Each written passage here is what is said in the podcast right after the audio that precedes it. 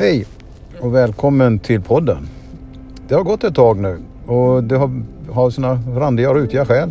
Tiden flyger fram. Men jag hoppas att 2018 har varit ett bra år för dig och eh, 2019 också ska bli ett bra år.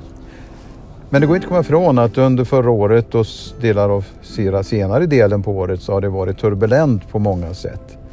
Både i politiken och i vardagen.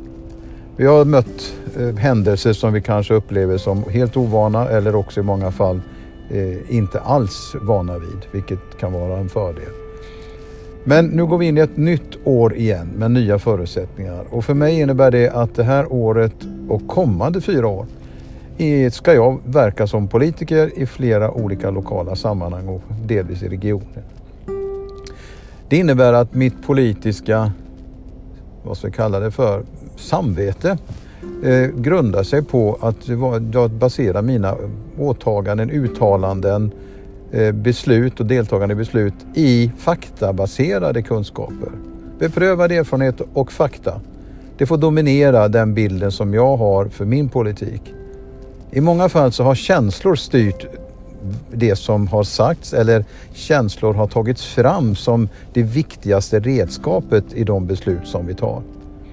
I många fall kan det vara korrekt. Men för mig i alla fall så innebär det att hjärtat är viktigt att ha med sig.